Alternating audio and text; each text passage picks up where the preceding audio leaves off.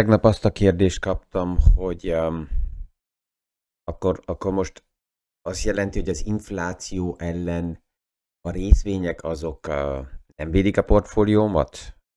Mert ugye ez volt egy ilyen kijelentés, amit éveken keresztül egy ügyfél hallott tanácsadóktól, hogy um, az infláció ellen ideális tárgyértékbe, tehát akár a uh, részvényekbe is befektetni.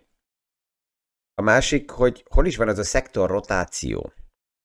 Erről fogunk ma egy picit részletesebben beszélgetni.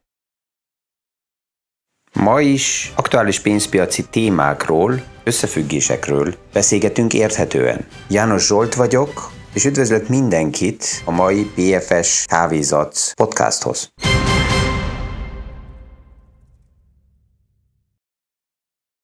Annak ellenére, hogy tegnap, tegnap előtt már mondtam, hogy az inflációról uh, nincsen kedvem túl sokat beszélgetni, mert most már ömlik minden csapból a téma, és uh, vagy a témák előtt járni érdemes, vagy uh, azok mögé nézni, hogy mi történik. De mégis rengeteg kérdés jön, rengeteg kérdés ér el, a reggeli podcastok után, és egy kérdés, ami a tegnap jött, hogy ez hogy is van az inflációval, eddig az volt az elv, az volt az elképzelés, hogy az infláció ellen érdemes, hogy tárgyérték, vagy reálérték legyen a portfólióba. És most az lehet olvasni, hogy azért, mert az infláció, azért a tőzsdék karigálnak, tehát a részvények visszamennek. Ez hogy van most?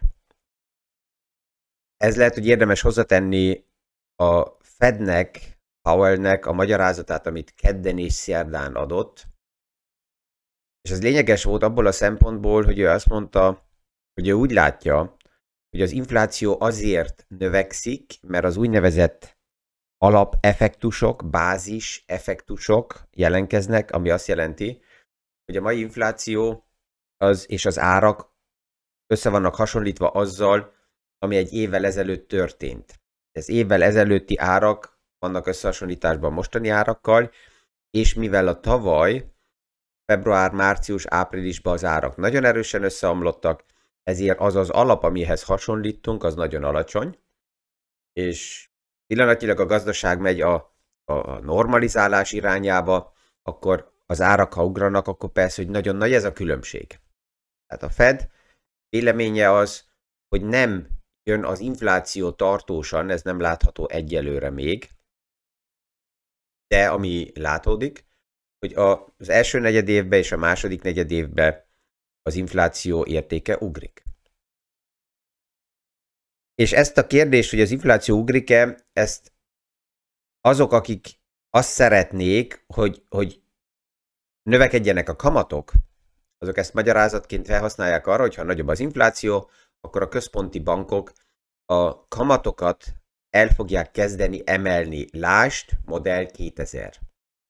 Akkor is az infláció ugrott, meg volt a háttérben egy nagyon, spekulációs, nagyon erős spekulációs hullám, és a központi bankok akkor megemelték a kamatot azért, hogy a likviditást a piacból visszavegyék, hogy ne fusson el az infláció. És ezzel, főleg a technológiai szektornak az akkori szárnyalását kvázi leszúrták és összeomlott a technológiai um, lufi, amin most lehetne vitatkozni, hogy az jó volt vagy rossz volt, az megtörtént, és ezt a modellt próbálják felhasználni arra, hogy azt mondják, hogy ezért most ugyanez fog történni. Erről már többször beszéltünk, hogy azért a, kör, a, paramétereket, ha körbe megnézzük, akkor elég sok paraméter lényegesen másképp néz ki pillanatnyilag, és főleg központi bankoknak a magyarázata hogy uh, hogy látják az infláció kérdését, az ma más, és hogy mit tesznek a likviditással is más. A központi bankok teljesen tisztán tovább is láthatóan az, a likviditást fenntartják, maximum áthelyezik a rövid kötvényfelvásárlásról a hosszú távú kötvényfelvásárlásra a hangsúlyt, és ezzel a piacba a kínálat-kereslet kérdését egy picit irányítják, és ezzel a rentabilitást is irányítják. Tehát ez az, ami, amit az inflációval kapcsolatosan lehet mondani.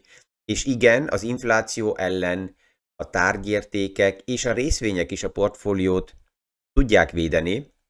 Rövid időre, amíg átmeneti fordulások vannak, lehet, hogy ez, ez jelenkezik a portfólióban miért. Vegyük csak példaként az elmúlt évtizedet, folyamatosan mentek a kamatok le, csökkentek, a reál kamatok negatívak lettek. Ebből kialakult az a kép, hogy még a konzervatív befektetők is, akik a csök- kamatcsökkenés után látták azt is rájöttek, hogy oké, okay, árfolyam növekedés nélkül a kötvényportfólióknak nincsen hozama. Ezért jött a marketing, és kialakította azt a képet, hogy a, az új kamat az osztalék. Ami alapjában persze, hogy nem stimmel, de marketing oldaláról ezt ki tudom így mondani. És ezért konzervatív befektetők is áthelyezték a portfólióknak egy részét, úgy lassan, minél hosszabb ideig tart ez a negatív hozam háttér, osztalékot fizető uh, részvényportfóliókba. Persze, hogy egyet nem szabad elfelejtsek, a részvény az részvény, a kötvény az kötvény. Ez azt is jelenti, hogy a részvényeknél a, az árfolyam ingadozás az jóval erő, erősebb, sokkal gyorsabban reagál ez a része a piacmozgásokra, mint, mint a kötvények. És az osztalék az persze, hogy magasabb alapjába, mint a hozamok voltak a, a kötvényeknél, vagy a kamatok, de minél tovább tart ez a az alacsony kamat hátterű helyzet, annál inkább csökkennek az osztalékok is. Miért? Az osztalék fizetés az egy konkurencia a kötvényekkel szembe. Ha magasak a kamatok, akkor a, a vállalatok, a cégek is jobban rá vannak kényszerítve arra, magasabb osztalékot fizetni, hogy a, konf- a, kon- a konzervatív portfóliókba a konkurenssel, a kamatot fizető kötvényel megfelelően tudjanak szembeállni. De hogyha a kamatok csökkentek, negatív a reálhozam, akkor az osztalékfizetés sem kell olyan magas szintű legyen, ez lehet alacsonyabb, mert nincs alternatíva. Tehát ez a there is no alternative, TINA, ez működik mind a két irányba. Az egyik irányba a befektetés nézem, és azt mondom, hogy nincsen kamat a kötvényeknél, tehát there is no alternative, kell menjek a részvényekbe, ez az egyik irány, de fordítva, a részvényeknél a kényszer, hogy maximális legyen az osztalékfizetés, nincs meg, mert Tina nincs alternatíva, mert a másik oldalán nincsen kamat, tehát nem is kell az olyan magas legyen. És ezért ez, a, ez, a, ez az egyensúlyozás a két befektetési eszköz között, hogyha ezt most nagyon egyszerűen lefordítjuk, az, az állandóan mozog ide-oda, és átmeneti időben lehet az, hogy pont azért, hogyha megjelenik az infláció, megvan a, a veszély, hogy a kamatok mennének felfele, akkor a részvények visszakorrigálnak. Amit nagyon erősen látunk, ez főleg a technológiai szektor, de ez nem azért, mert a technológiai szektor magába az infláció, ha növekszik, akkor érintett, nem, a technológiai szektor is ugyanúgy, mint minden más részvény, befektetés, az véd az infláció ellen, már arról, abból a szempontból is, vegyük csak példaként, hogy ki van egy társaság a piacban, nagyon nagy a, a piaci része, az életünknek nagyon fontos része, növekszik az infláció, akkor az inflációval növekednek az árak. Az árak növekednek, és ennek a cégnek sikerül a költségeket alacsonyan tartani, akkor azt jelenti, hogy az inflációval automatikusan a cégnek növekszik a forgalma, hogyha nem növekednek egyből a költségek, akkor növekszik a nyereség. Ha növekszik a nyereség, akkor nagyobb a belső értéke, nagyobb tud lenni akár az osztalék, de nagyobb tud lenni a belső értéke a cégnek, ami pozitív tud lenni az árfolyamnak. Hogyha fordítva a költségek szaladnak egyszer el, és ez az, amit néha egy, egy páran most már jeleznek, hogy a nyersanyagok oldaláról egy úgynevezett importált infláció tud megjelenni, ami nem azért növekszik, mert a kereslet megy felfele, hanem azért növekszik, mert az alapnyersanyagok drágulnak, és ezen keresztül beimportáljuk az inflációt a könyvekbe, tehát, hogyha a költségek növekednek, akkor a cégek mit csinálnak? Ezeket a költségeket adják tovább a fogyasztónak. És akkor azt jelenti, hogy nem azért növekednek az árak, mert az infláció miatt növekedtek az árak, mert indexálva van például bizonyos kiadás, vagy bizonyos árak, hanem azért növekednek az árak, mert a cégek a költségeket adják tovább azért, hogy ha növekedtek a költségek, növekedjen a forgalom, hogy megmaradjon az a nyereség, ami nekik szükséges az osztalék oldalán, tehát így is, úgy is az inflációt, főleg a részvények jobban tudják kompenzálni. Közép-hosszú távra, tehát ez azt lehet mondani, hogy minden, ami három év és plusz, ott lehet látni a jelét az infláció kérdésnek. És ez, hogy az infláció védi a portfóliókat. Na most a technológiai szektorra tavaly annyira szárnyalt, mert a piac nagyon-nagyon erősen fókuszált arra, hogy a lockdownban mi az, ami még működik, és itt volt a home office körüli uh, online shopping, és, és minden, ami technológiai uh, uh, iparág, az nagyon-nagyon erősen szárnyalt, és hogyha most azt látjuk, hogy az évnek az első hónapjaiban a technológiai szektor vagy korrigál, vagy nem szárnyal olyan erősen, akkor ez nem az infláció miatt van, hanem azért, mert meg kell néznem, hogy a tavaly milyen dimenzióba szaladtak el ezek az iparágak, és ott egy visszakorrigálás az kvázi szinte teljesen normális. Volt ez a kérdés is, hogy akkor hol van ez a szektorrotáció, amiről annyit beszéltünk, és ez mikor fog elindulni? Ha megnézzük a számokat, már benne vagyunk. Nagyon sokan fejben még mindig 2020-at nézik, de azért el lehet fogadni, 2021-ben vagyunk, és már két hónap, szinte el is telt, a hétvégén lejárt a második hónap, és az év elejétől, ha megnézzük, hogy eddig például melyik iparágak voltak a legerősebbek 2021-ben, akkor ez az energiaszektor plusz 25 kal a pénzügyi szektor plusz 14 kal ha megnézzük a Russell 2000 összetételét, és ott kiválogatjuk azokat a cégeket, amelyek value értékekbe fektetnek be, akkor a value szektor a Russell 2000-be plusz 7% két hónap alatt, 2020-ba. És ehhez képest, ha megnézzük a Nasdaq indexet, akkor 2020-ba alig 2%. Ha megnézzük a Russell 2000-be az úgynevezett growth cégeket, amelyek a növekedésre vannak felépítve, ott is alig 2%. Tehát aki azt a kérdést felteszi, hogy na hát akkor mikor jön a nagy szektor rotáció, lehet, hogy érdemes kinézni, mert már benne vagyunk. Elég szépen, és ez így nagyságrendileg olyan szeptemberben már elindult a tavaly évben. Csak mi minden transformáció, ugye, ami a piacokban történik, ez nem úgy jön, hogy, hogy összeomlik ma minden, és hónap uh, ugrunk 100%-ba másik témába, hanem nagyon sok ilyen változás, transformáció ma úgy, úgy történik meg, és ezt, ezt látjuk az iparágaknak a felváltásába is. Azok, akik így a régi iparágakba dolgoznak, vagy jól vannak helyhelyezkedve, nekem sokan azt mondják, hogy na hát János úr, majd meglátjuk, hogy ez mikor fog összeomlani. És az az elképzelésük így fejbe, hogy egy bizonyos ideig megy, megszakad, megszűnt. És akkor van valami új. Ha ezt ma megnézzük és elemezzük a gazdasági fejleményeket, akkor ez egészen más tört, másképp történik. A régi iparág így lassan erodálódik. És egyre kevesebb és kevesebb lesz, tehát nem tűnik el ez már hónapra, hanem egy lassan kifut. Lehet, hogy tart 5 évet, lehet, hogy tart 10 évet. És ehhez párhuzamosan megjelennek új iparágok, amely gigantikus expanzióval növekednek, robbannak, és ezek felváltják mivel a régi lassan megy ki, ezért azok, akik a régit nem akarják elengedni, mindig vigasztalni tudják magukat, hogy még létezik. Vegyük csak a banki szektor, a hagyományos banki szektor, amire sokan azt mondják, hogy nem még létezik, nem még van bankfiók, néha, hogyha ott alkalmazott vegyek bemegyek, még nem rúgtak ki, meg megkapom a kávét, még van minden héten a kiadott szabály, hogy ennyi terméket kell eladni. A biztosítási szektorban ugyanez.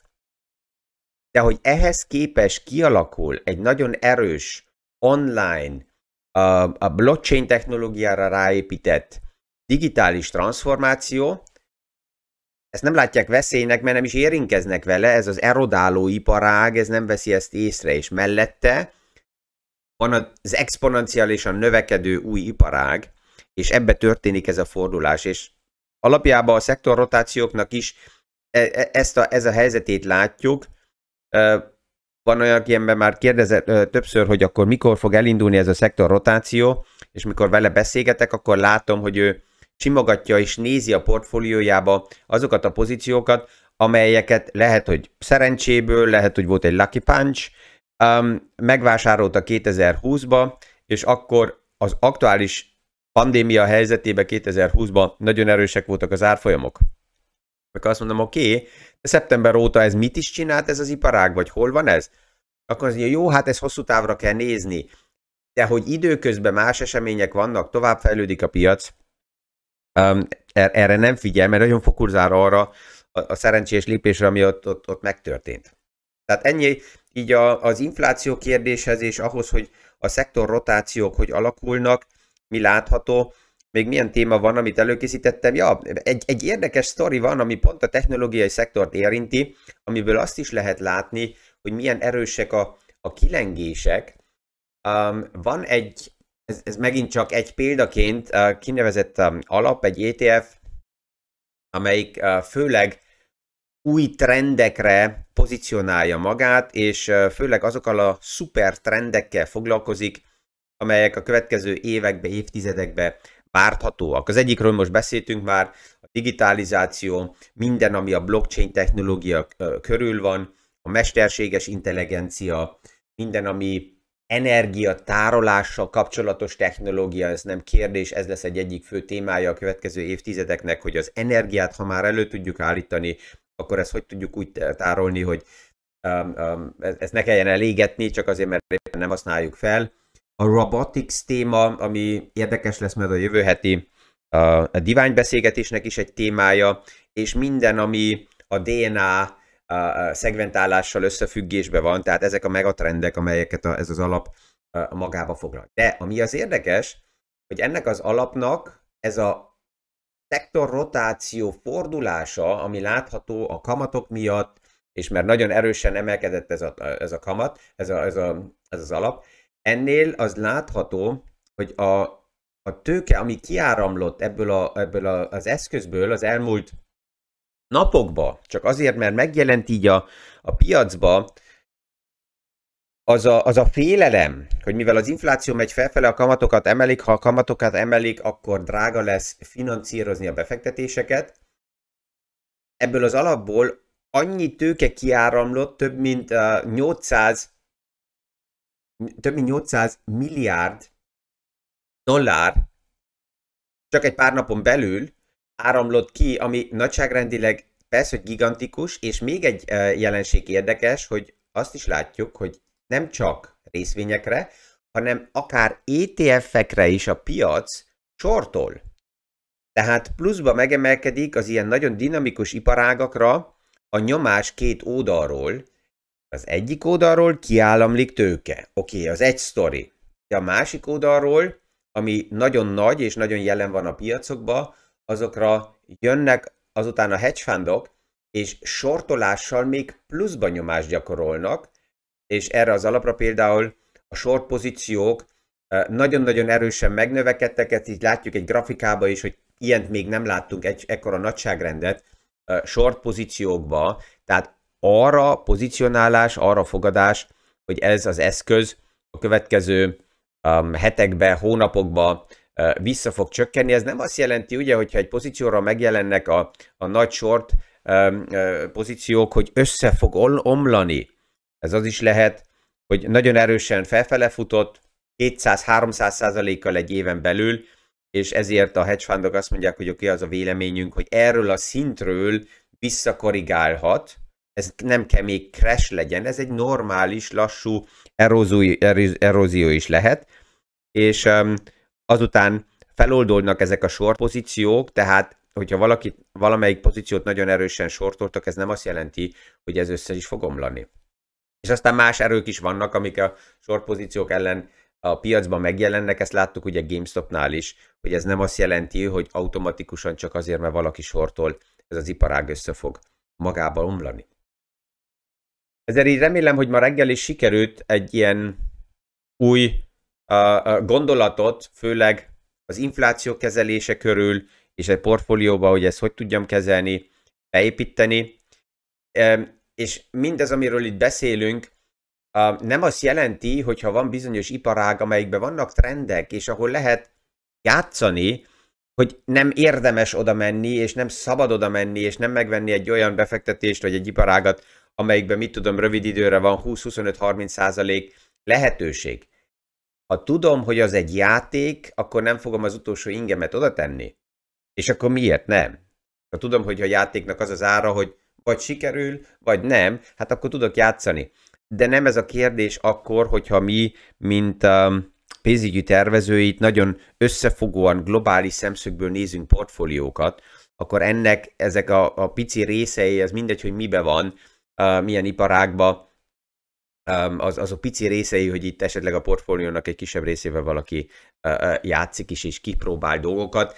Én ezt a játékot jónak tartom, ez az egész gamification téma, mert játékon keresztül tanuljuk meg, hogy hogy működnek az eszközök, játszodva tanulják a gyermekek is meg, hogy hogy működünk, hogy vannak a konfrontációk, hogy vannak az eszközök. Tehát ez mindig hozzatartozik az élethez, és ezért szerintem jó, hogyha akár 50, 60, 70, 80-as évek, éves korunkban is tovább is igenis játszunk, és tesztelünk, és próbálunk.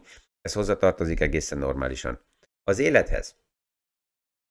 Ezzel elbúcsúzok ma reggel újra, um, jövő héten a divány beszélgetésünkre készülve azt hiszem, hogy még lehet jelentkezni, tehát hogyha valakinek még nincs a jelentkezése, a link, hogy hozzáférjen a webinárhoz, akkor nyugodtan a pfspartners.hu oldalra. Um, akár a podcastot, mint mindig, lájkolni, megosztani, továbbadni, ezt is lehet. És hát a következő napokban, legkésőbb hónap reggel újra találkozunk. Következő podcast sorozatba. Biztos, hogy ma is megint izgalmas témáink lesznek, főleg mert hónap ugye jön Biden-nak a nagy fellépése az 1,9 billió dolláros támogató csomaggal. Az egy külön téma lesz, hogy az még szükséges-e vagy nem, de hát mielőtt belemegyek új témába, az előtt itt nem. Ma is aktuális pénzpiaci témákról, összefüggésekről beszélgetünk érthetően. János Zsolt vagyok, és üdvözlök mindenkit a mai BFS Kávézat podcasthoz.